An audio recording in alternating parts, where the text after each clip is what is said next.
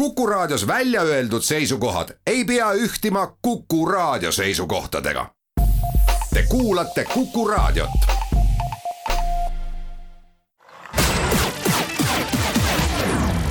nädala Tegija. nädala Tegija alustab ja selle nädala tegijaks valisin Valgevene ja arusaadav põhjus, see, mis Valgevenes toimub, ma arvan, paljudel eestlastel toob meelde sündmused no ütleme, suurusjärgus kolmekümne aasta tagant meie enda vabanemine ja nii imelik, kui see ka ei ole, on see kõik sattunud ka mõnes mõttes äh, meie tuhande üheksasaja üheksakümne esimese aasta sündmustega samasse kuusse, augustisse, sooja aega, kus protestida ja ja meelt avaldada on ka natukene klimaatiliselt mõnusam, aga igal juhul tuleb öelda, et pärast pikka-pikka vaikimist on Valgevenes midagi toimumas, kuhu see kõik võib viia mis Valgevenest võib saada, seda täna Nädala Tegijas räägime ja olen saatekülaliseks palunud Marko Mihkelsoni, kes on tuntud slaavi asjade spetsialist, kui nii võib öelda, poliitika mõistes ja teiselt poolt eh, hetkel ka Riigikogu väliskomisjoni aseesimees, tere Marko! tere päevast! Valgevenest alustades peab eh, minema ajas päris pikalt tagasi ja, ja ma arvan, et väga paljudele raadiokuulajatele võib see isegi üllatuseks tulla, et eh, Valgevene praegune president, karmi käega diktaator Lukašenka, erinevalt näiteks Kesk-Aasia juhtidest, Nazarbajevist, kes seal pikalt valitses ja pärast võimu üle andis elegantselt ja näiteks erinevalt ka Alijevite dünastiast, kus eh, isa pojale võimu edasi andis, aga Keidar Alijev ja Nazarbajev olid ikkagi ise kas kompartei esimesed sekretärid ja muundusid liikusid sealt rahvajuhtideks, kui nii võib öelda, siis Lukašenka üheksakümnendate algul ei olnud eriline suur tegija, tema tuli platsile üheksakümne neljandal aastal ja ma ei tea, kas ta oli kolhoosi esimees ja hakkas korruptsiooniga võitlema. Jah, eks Valgevene lugu ongi erinev siin paljudest riikidest, mida sa juba mainisid ja, ja mõnes mõttes on ta ka äh, olnud alati äh, tähelepanu keskmest äh, mõneti nagu eemal, et äh, et ma mäletan ise, kui ma üheksakümne seitsmendal aastal esimest korda Postimehe ajakirjanikuna, toona siis Moskvas töötades Valgevenesse, sealseid, toona toimusid parlamendivalimised kajastama läksin, siis ega mul endal ka ei olnud sellest riigist veel väga suurt ettekujutust, et nad olid üheksakümne esimesel aastal mänginud ju väga olulist rolli, et mäletame, et Nõukogude Liidu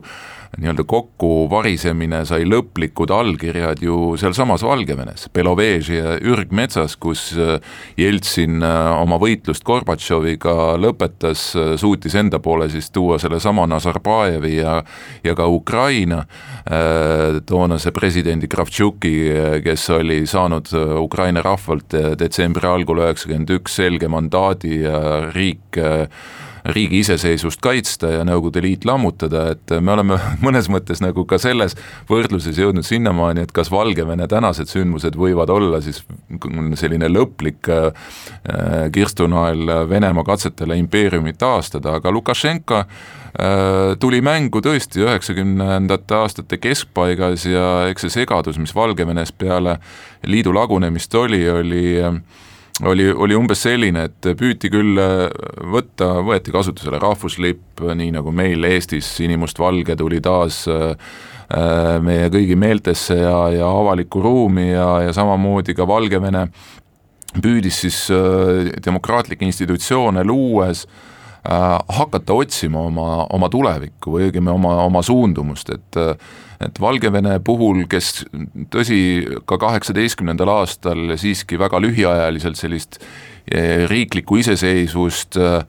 no ma ei ütleks, et nautis, aga võib-olla natukene nuusutas, siis Valgevene puhul erinevalt näiteks Ukrainast või, või noh, rääkimata loomulikult Balti riikidest, selline rahvuslik eneseteadvus,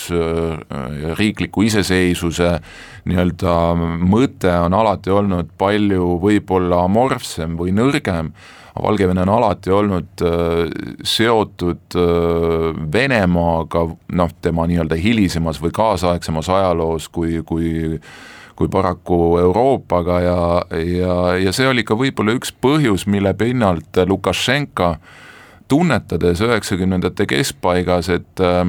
et ta on noh, nii-öelda jah, tõesti tuli võimule korruptsiooni vastu võideldes ja olles selline väga värvikas oma sõnakasutuses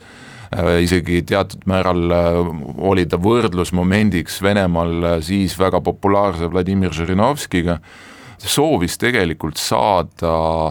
kogu Venemaa liidriks. Et ka see, et üheksakümne seitsmendal aastal juba sõlmiti Valgevene ja Venemaa liidulepe,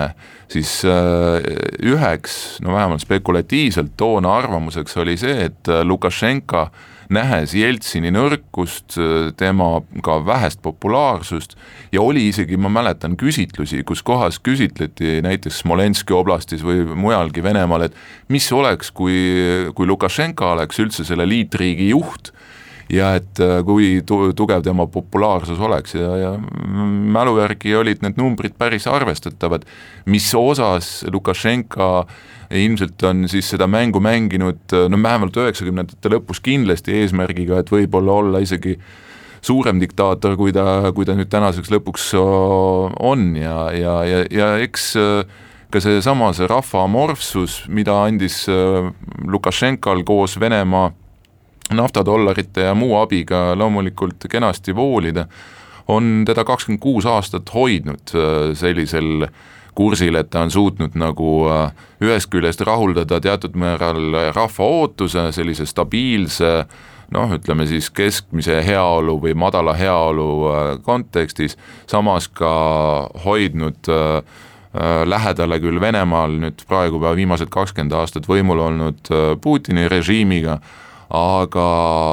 eriti viimased kaks aastat, ma ütleks, on siis selles mängus toonud sisse uued muutujad ja uueks muutujaks on see, et kui varasemalt, nagu ma rääkisin, Lukašenko võib-olla selline unelm oli ise saavutada nagu suurem selline mõju ka võib-olla isegi Venemaa kontekstis selle liitriigi mõttes, siis täna on selge, et Lukašenkast tahetakse vabaneda ja tahetakse vabaneda ka äh, Äh,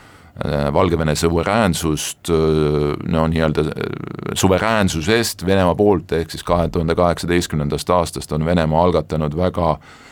väga põhimõttelise käitumise viisil, et, et ühel hetkel Valgevene võiks kujuneda Vene impeeriumi uueks provintsiks või autonoomseks üksuseks. siinkohal kuulame korraks reklaami, jätkame Nädala Tegija ja Valgevenega koos Marko Mihkelsoniga pärast seda nädala Tegija. nädala Tegija jätkab, täna saate teema Valgevene ja saates külas Riigikogu väliskomisjoni aseesimees Marko Mihkelson, mina olen Meelis Atonen. no sa juba rääkisid sellest, et Venemaa huvi Valgevene ja eriti president Lukašenkaga asju ajada, no võib-olla sellest, et Putin vaatas, et noh, mees mängib topeltmänge ja, ja ajab ikkagi väga selgelt oma asja killustades küll oma võimu, aga teiselt poolt Venemaale olles mitte alati päris stabiilne ja kindel partner, noh, see, see kõik on arusaadav, aga mis on toimunud Valgevene enda sees, et inimesed, keda noh, ma ei tea, välised vaatlejad pikka aega rahustasid sellega, et oi, kui sa Valgevenes käid, vaata, kui puhtad tänavad on ja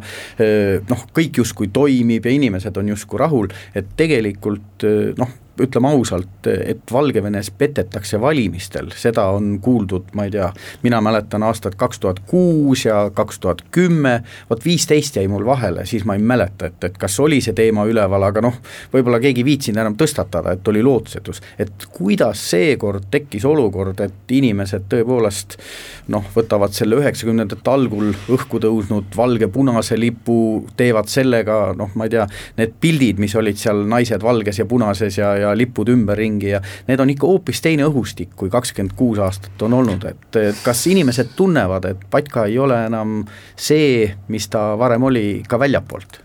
jah, väga lihtsalt vastates kindlasti ma arvan, et väga paljudele, eriti uue põlvkonna äh, inimestele on äh, lihtsalt äh, saanud kõrini sellest äh,, mida, millist alternatiivi või millist äh, suunda siis äh, Lukašenka Valgevenele või valgevenelastele pakub, aga kindlasti on see palju-palju mitmetahulisem ja, ja keerulisem, et mina minu enda kogemus Valgevene presidendivalimistega on seotud kahe tuhande kuuenda aastaga, kui sai siis rahvusvahelise vaatlejana käidud ka neid valimisi jälgimas ja ja noh, sellest ajast on meeles tõesti, me Minski lähedal koos äh,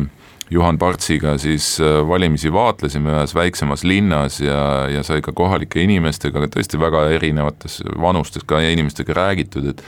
et üldiselt oli, oli see arusaamine küll selline, et, et et las see Lukašenka tegutseb, ta ei ole halba midagi meile teinud, olgugi et noh, me ju teame, et juba üheksakümnendate aastate lõpus ta lausa füüsiliselt hävitas oluliselt opositsioonipoliitikut, nagu endine siseminister Juri Zaharenka või või äh, siis Keskvalimiskomisjoni esimees Viktor Hantšar tuhande üheksasaja üheksakümne üheksandal aastal ju vahistati ja, ja tõenäoliselt tapeti, nende saatusest ei ole siiamaani midagi teada, aga nad olid toona kõige sõnakamad äh, Lukašenka vastased. Ja ka hilisemalt äh, kõik need opositsiooni nii-öelda jõud on äh, lõhutud Valgevene KGB poolt, kas siis inimesed vangistatud Äh, piinatud, pekstud või riigist välja saadetud, aga kahe tuhande kuuendal aastal oli tõesti, see oli selline Nõukogude idüll, mida oli tunnetada, mäletame, käisime ühes äh, sõjaväeosas, siis lasti sisse, koht-, õhudessantvägede üksus oli ja selle komandör ütles, et jah, meil hommikul siin käis juba valimine ära, et kõik on selge, et sada protsenti Lukašenka ja läheme õigel kursil edasi ja siis siis see oli huvitav moment, et seesama komandör ütles, et aa, aga teie olete vist Juhan Parts kuna Juhan ei olnud enne seda, ei olnud isegi nagu ennast äh, siis tutvustanud ja, ja mille peale me küsisime, et, et aga kus, kus kust te teate vaadake jah, et meie oleme ju siin NATO naaberriik, et meie kohus on ju teada kõikide NATO liikmesriikide peaministreid ja kaitseministreid. see oli muideks sama, oli Nõukogude armees oli poliitkasvatustundides oli ju samamoodi õpetati nende vaenlast peab teadma va. vaenlasi, vaenlasi tundma, nii et, et see on see väikene episood kahe tuhande kuuendast aastast, aga ma arvan, et mõtleme näiteks kas või selle peale, et selle uue põlvkonna kontekst, kes ikkagi praegu on Valgevene tänavatel aastal et seesama Svetlana Tsihhanovskaja, kes on tõusnud esile praegu ju nii-öelda siis äh, Lukašenko peavastasena ka valimistel, tõenäoliselt need valimised ta võitis, äh, aga ta on kolmekümne seitsme aastane ja sellel hetkel, kui Lukašenko nii-öelda võimule tuli, oli ta kõigest üheteistkümne aastane, et äh, tema oma teadlikus elus äh, ja paljud tema põlvkonnakaaslased või, või veelgi nooremad ei olegi midagi muud oma elus kogenud. Ja ma arvan, et üks mõjutaja, mis siin kindlasti nüüd eriti viimastel aastatel on olnud, on, on see, et, et olgugi, et Valgevene on hästi kinnine riik ja, ja meedia on kontrollitud ja, ja nii edasi, siis ikkagi Valgevene rahvas ja, ja, ja noored on ikkagi keskeltläbi väga intelligentsed, nad on hea haridusega ja, ja samas ka on võimelised tänu just nimelt internetile ja sotsiaalmeediale ka tajuma noh, seda, mis nende ümber toimub, mitte ainult siis ida pool, vaid ka, vaid ka lääne pool. ja ma arvan, et see energia, mis äh, vallandus sellel aastal või, või tõusis esile, äh, ilmselt oli seal seda energiat oli kogunud juba päris pikka aega ja et ta tõusis esile just selliselt, et, et ei, ei olnud ühte sellist no nii-öelda vana poliitikut või vana opositsioonitegelast, kes, kes tuli ja ütles, et nüüd mina näitan teile õiget suunda, vaid vaid see võib olla just tänu sellele, et Lukašenka vahistas siin kevadel, kui olid välja kuulutatud, et augustis tulevad presidendivalimised, vahistas sisuliselt kõik äh, põhiliselt tema arvates olulised kandidaadid, sellesama Sergei Tsihhanovski, kes oli siis Svetlana abikaasa, on abikaasa, kes on vangistatud praegu, või Viktor Babarõka, noh, Gazprom panga äh, nii-öelda tegelane seal Valgevenes või siis sundis riigist lahtu, lahkuma endise suursaadiku USA-s Viktor Tsapkala, kes kes, ähm, kes on ka siis üks nendest, keda siis praegu peetakse justkui äh, võimalikeks vastaskandidaatideks Lukašenkale. ja, ja ta ilmselt ei eeldanud, et seesama Svetlana Tsihhanovskaja Äh, õpetaja. mitte kuskilt võtab üle asja. jah, et mitte kuskilt võtab üle ja võib-olla ka selline väga üleolev suhtumine naistesse, äkki on ka see üks väike element, mis mul on tunne, mis Lukašenka puhul võis sellise valearvestuse tuua, pluss muidugi me ei tohi kindlasti mitte kõrvale jätta ka seda, millest me just hetk tagasi rääkisime, Venemaa rollist, Venemaa Äh, nagu ma mainisin, on aastast kaks tuhat kaheksateist töötamas selle nimel, et Valgevenet sügavamalt integreerida siis Venemaa koosseisu. Ja muuta see liitriigi nii-öelda lepe reaalselt toimivaks, viia sisse ühisraha ja, ja muud institutsioonid. Ja võib-olla tunnetas KGB, kes juhib, või noh, siis Venemaa eriteenistused, kes juhivad ju Vene riiki, seda, seda muutust, mis Valgevene ühiskonnas on toimunud, ja võib-olla, ja sooviga Lukašenkat ka nõrgestada, tehti mingisugused toetu, toetavad tegevused ka, ka selles osas. Aga nii nagu ma ütleks, et võib-olla juhtus kaheksakümnendate lõpus äh, Äh, siin äh, ka sellega, et võib-olla oli lootus näiteks Balti riikides ja ka Eestis laulva revolutsiooni ajal mäng sellele, et võib-olla rahvarinne muutub selliseks jõuks, keda on võimalik kontrollida uue liidulepingu loomise kontekstis, siis tegelikult läks kõik kontrolli alt välja, kui see, seda kontrolli üldse nagu omati või taotleti, siis sama võib juhtuda ka Valgevenega ja mina arvan, et et see, mida me oleme näinud siin kahe nädala jooksul praktiliselt, ja, ja tegelikult juba mul oli ikkagi eelaimus juba enne neid äh, valimisi, kui Tsihhanovskaja toetusmiitingule tuli kokku üle kuuekümne tuhande inimese, mis on absoluutselt täiesti äh, täiesti uus nähtus Valgevene lähiajaloos või üldse Valgevene ajaloos iseseisva riigina, siis see näitas, et mingi dünaamika on ühiskonnas, mida enam sellise vanade jõuvõtetega ei muuda ja nagu me nägime, Lukašenka esimene reaktsioon, kas see oli tema enda otsus või oli temale soovitatud otsus, vägivaldselt kiirelt tänav puhastada, tegelikult tekitas olukorra, kus äh, liitis veel suurema hulga inimesi, ka neid, keda tavaliselt on peetud Lukašenko peamisteks nii-öelda peamiseks toetusbaasiks, ehk siis riiklike suurtehaste, traktoritehased, nii edasi. Nende töötajad on täna samal meelel, et nendel on üks sõnum Lukašenko, sa pead lahkuma. ja, ja see on nüüd see koht, kus kohas äh, me oleme tänases päevas. siinkohal kuulame uudiseid, reklaami, jätkame juttu Marko Mihkelsoniga Valgevenest pärast seda. nädala Tegija. nädala Tegija jätkab, täna räägime Valgevenest, see, mis selles meile tegelikult suhteliselt naabruses asuvas riigis toimub, on ikkagi midagi täiesti erakordset ja minu arvates erakordset ka kogu NSV Liidu lagunemise järgses ajastus, kui nii võib öelda, et ehkki kolmkümmend aastat hiljem kui näiteks Balti riigid, aga see õhkkond ja, ja meeleolud, mis tänavatel valitsevad, on ikkagi püüe vabadusele ja, ja kõik need püüded väärivad toetust, aga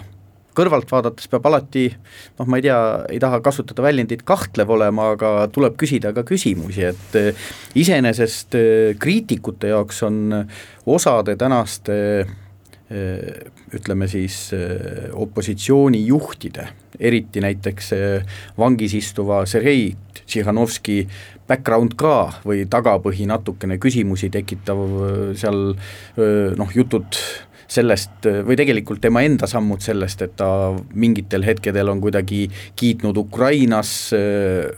noh, ütleme Luganski ja Donatski, Donetski piirkonnas toimuvat ja mitte nagu ma arvan, Eesti poolelt arusaadavalt kiitnud neid asju, et et kas see on märk sellest, et Venemaa võib-olla noh, ongi otsinud nüüd uutmoodi liidreid, keda keda Lukašenka vastu välja mängida ja noh, minu enda teooria on see, et, et Svetlana Tšihhanovskaja tõus, tõus ei ole nüüd enam selle, nende mängu osa, sest noh, keegi, nad ei kujutanud ette, et nüüd mees areenilt koristatakse siis suvalisest kohast, kui nii võib öelda, poliitika mõistes või ütleme siis revolutsioonilise situatsiooni mõistes, naine, kes on lihtsalt õpetaja, tõsi, inglise keele ja vene või inglise ja saksa keele spetsialist ja noh, võõrkeelte kaudu ilmselt maailma asjadest hästi aru saav, aga noh, nende jaoks tuli võib-olla üllatusena see tema tõus, aga on see opositsioon noh, nagu võimalik, et mängitav Venemaa poolt? ma arvan, et kriitiline meel on alati oluline, aga fakt on see, et, et Valgevenes on ikkagi käimas rahvarevolutsioon ja ja just äh, küsimus ei ole ju selles, et on olemas mingisugune üks poliitiline jõud või üks poliitiline partei, kes oma valijaid või oma toetajaid tänavale kutsub, väga paljuski on see rahva enesealgatuslikult äh, just toimunud, eriti nüüd viimased äh, kümmekond päeva, kui, kui siis seesama Tsihhanovskaja oli sunnitud tõenäoliselt julgeolekujõudude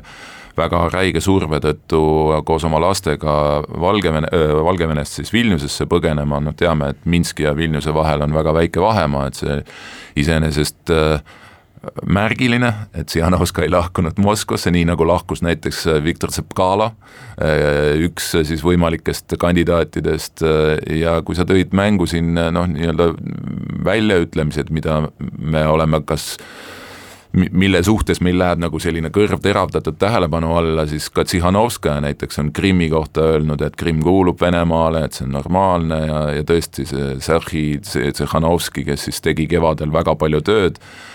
sotsiaalmeedias ja, ja ka otse mööda Valgevenet ringi sõites tuntud blogijana enda programmi nii-öelda tutvustamisel, siis ka jah, tõesti tema on, teda on tsiteeritud toetamas Donbassis toimunut ja, ja no loomulikult me võime ka ju Viktor Babarõko kohta öelda, mees, kes on samuti vahistatud, kes, keda peeti võib-olla isegi kõige tõsiseltvõetavamaks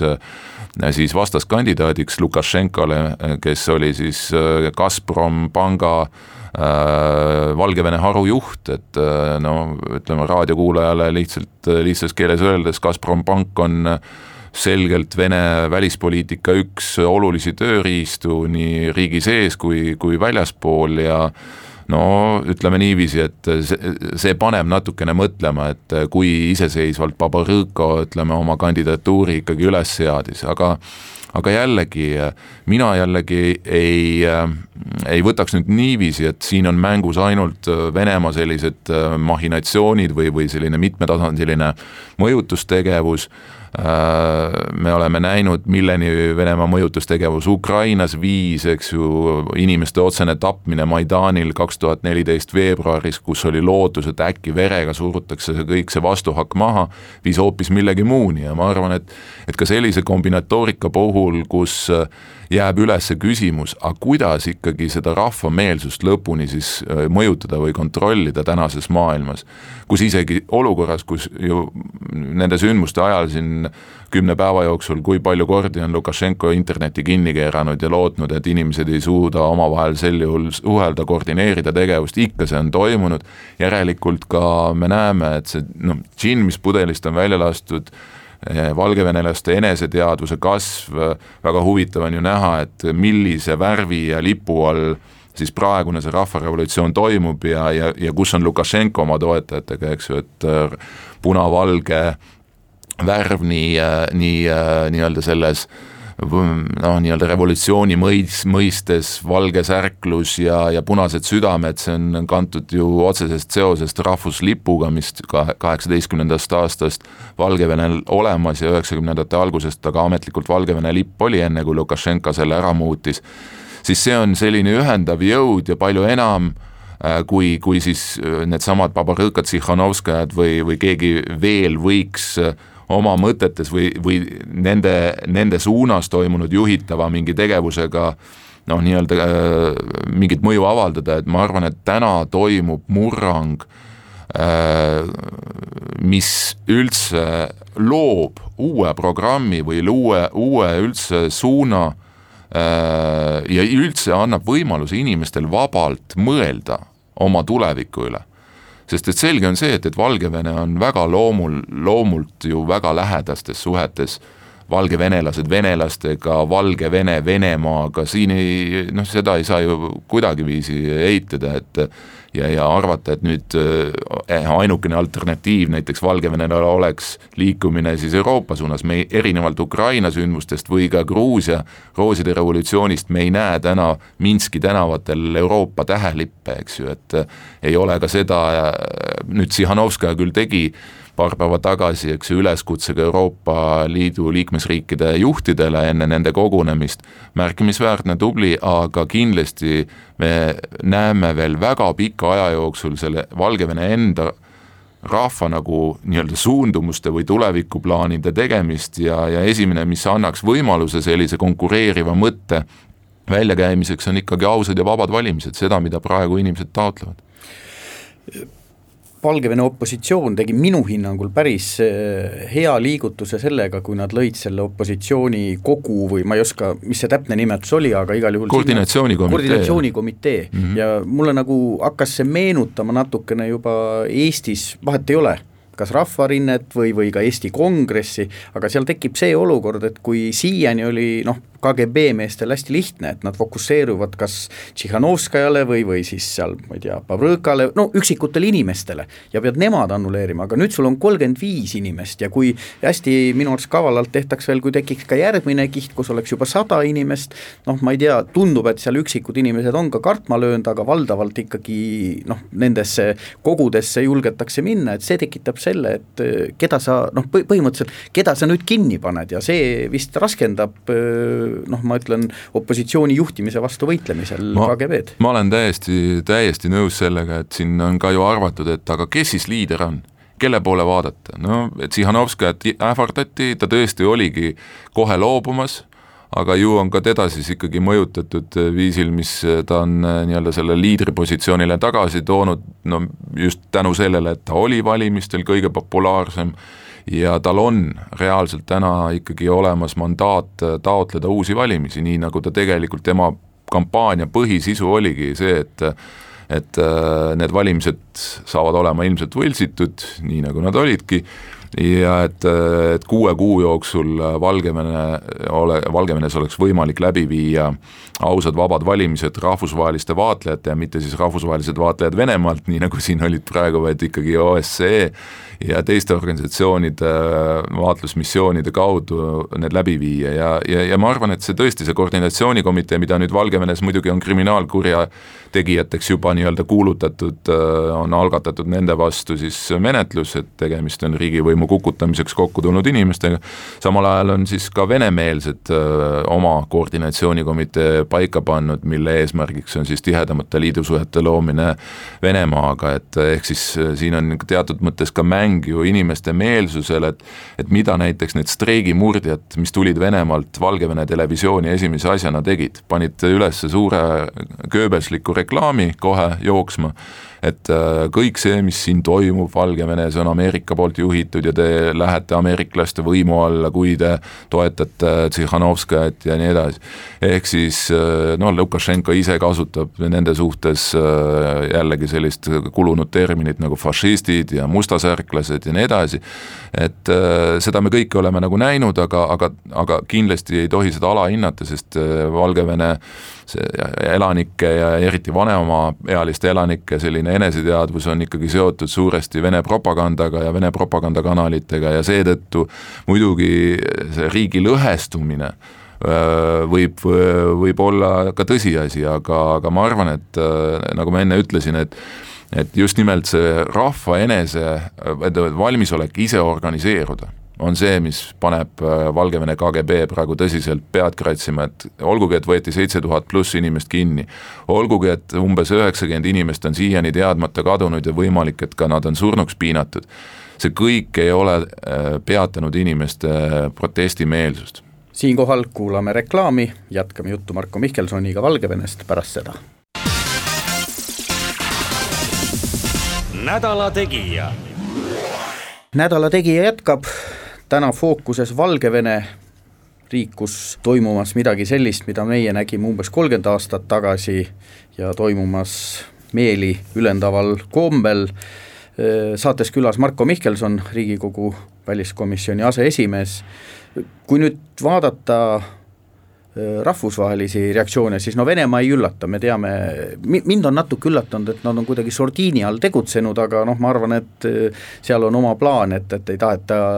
liiga otse ennast välja näidata. kas Euroopa, no ma ei tea, Euroopa kas see oli siseturuvolinik, oli, ma ei mäleta selle prantslase nime, aga noh, tema ei üllatanud prantslaslikult, ei vaikinud, nagu tema kunagine president Mitterrand oleks äkki soovitanud, aga ütles kuidagi nii, et, et Valgevene ei ole midagi sarnast nagu Ukraina või Gruusia, et, et see on Venemaa ja ja Euroopa vahepeal, noh, ma ei tea, kas see mees kaarti on vaadanud, et, et et iseenesest Euroopale lähemal ja meile noh, meie siin Baltikumis saame eriti aru, et peaaegu mingil hetkel minu arvates olid lausa Balti matšid spordis niimoodi, et, et olid Balti riigid ja Valgevene kutsuti ka osalema, nii et aga kas Euroopa võiks olla aktiivsem või ongi võib-olla targem, et olla pigem ettevaatlik ja mitte lasta nendel süüdistustel tõeks saada, et, et välis, välisagendid siin tegutsevad? no väga olulised küsimused, et ma kõigepealt tuleks korraks selle Venemaa poole juurde, et mind ei üllata äh, Venemaa reaktsioon äh, ja kindlasti on teatud dilemma ja kartus just nimelt ka, kuidas ikkagi see rahvameelsus milleni see või, võib viia. Ja võib-olla on õpitud natukene Ukrainast, et selline jõuga kärgatamine võib anda tõsise nii-öelda negatiivse vastulöögi Putini eesmärk on nõrgestada Lukašenkat, teha ta selliseks ikka täiesti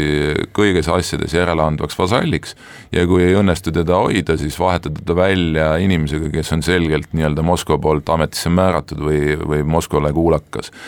Ja ma arvan, et kõige kriitilisemaks hetkeks võiks äh, olla, no siin on ju räägitud sellest, et äh, Vene vägede sisseviimine või, või Vene, Venemaa jõuline nii-öelda sekkumine siis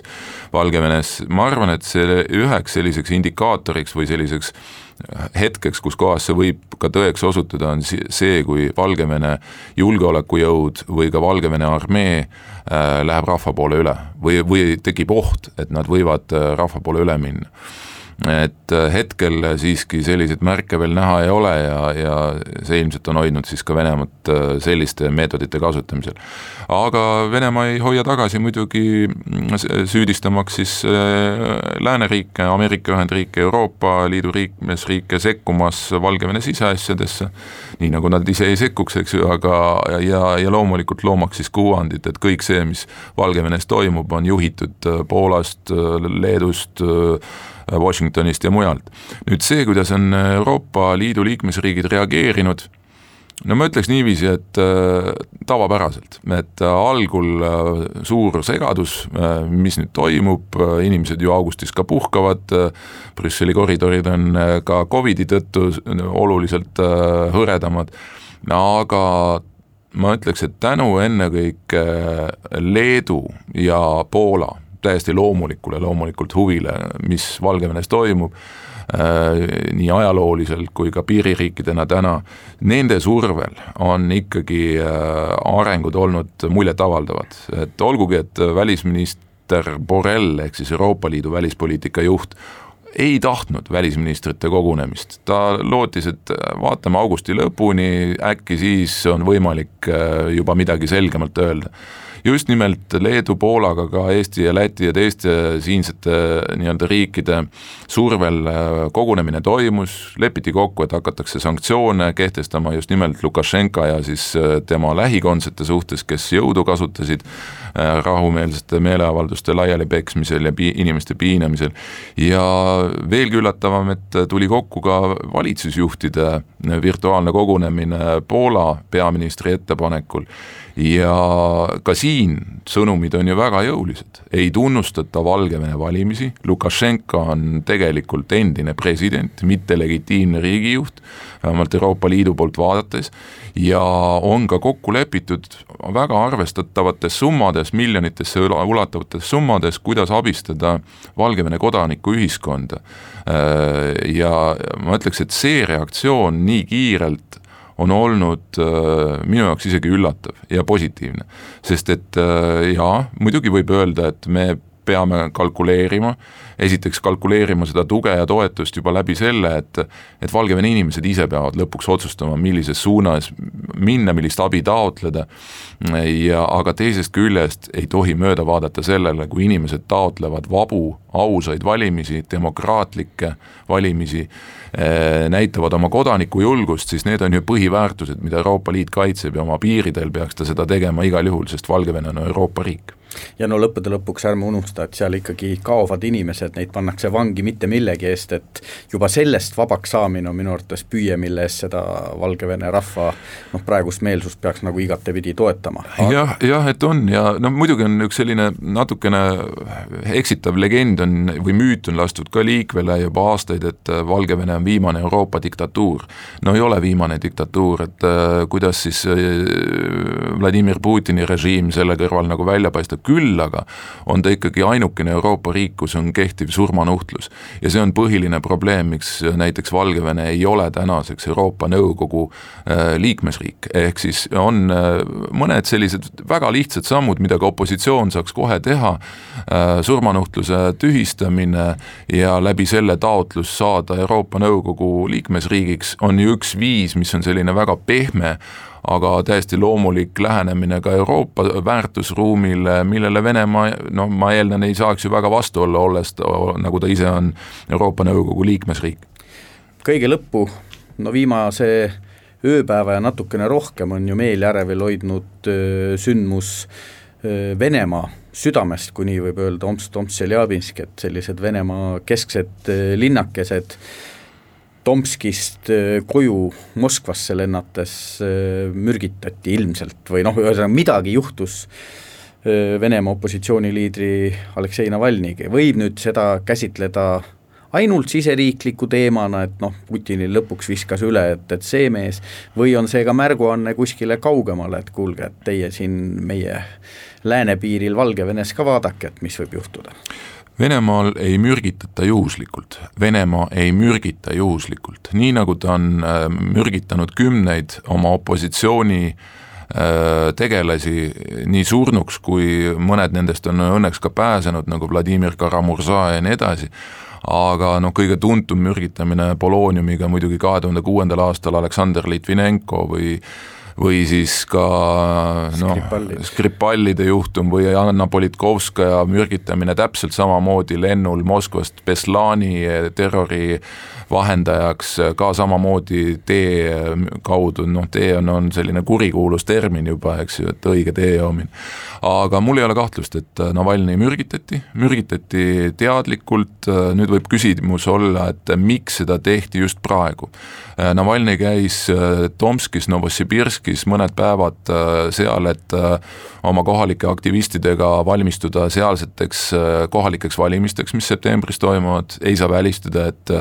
et äh, mingi seos võib sellega olla, aga ma arvan, et kuna tegemist on ikkagi niivõrd äh, jõulise sammuga, ehk siis Navalnõi on viimaseid äh, üle riigi tuntud opositsioonipoliitikuid, kes veel elus on ja kes veel Venemaal asub, kui tema tapmine või noh, läbi mürgitamise või vähemalt elimineerimine, siis on tõesti noh, teema, mis ilmselt saab olla äh, Äh, seotud ainult kõige kõrgema sooviga, ehk siis äh, ja, ja nõusolekuga kõige kõrgemalt poolt. Ja, ja muidugi, kui me oleme siin see terve saate rääkinud Valgevenest, äh, siis ei saa välistada, et Moskvas ju kardetakse nagu püha tuld siis revolutsioone, värvilisi revolutsioone oma, oma lähinaabruses ja eriti see, mis Valgevene rahvas on praegu teinud. nagu me ütlesime, ta on väga lähedane ju vene, vene rahvaga ja, ja, ja need seosed on võib-olla isegi mõnes mõttes tõsisemad ja sügavamad, kui Ukraina puhul võib välja tuua, siis see kartus, et võib-olla see meelsusavaldus diktaatori vastu Minskis võib üle kanduda ka Venemaale ja loomulikult ainukene, kes nii-öelda üleriigiliselt võiks olla nähtav liider, on, ongi seesama Navalnõi. viimased uudised Omskist ütlevad, et arstid, kes algul olid ilmselgelt, tunnistasid toksiliste ainete olemasolu, on teatanud, et Navalnõid ei ole mürgitatud, et kõik on hoopis seotud millegi muuga, mis ilmselgelt ja, Navalnõid ei ole lastud seni, seni hetkeni siis äh, Berliini või õigemini siis Saksamaale Nürnbergi, kui ma ei eksi äh,, ravile, mis näitab seda, et püütakse kõigiti siis varjata selle mürgitamise tausta ja see muidugi iseenesest tõstatab üha uusi küsimusi. siinkohal jääb üle vaid pöialt hoida Valgevenesse ja loomulikult ka Aleksei Navalnõile ja üldse kogu demokraatlikule üldsusele slaavi riikides. aitäh, Marko Mihkelson ja Nädala tegi jälle nädala pärast. nädala Tegija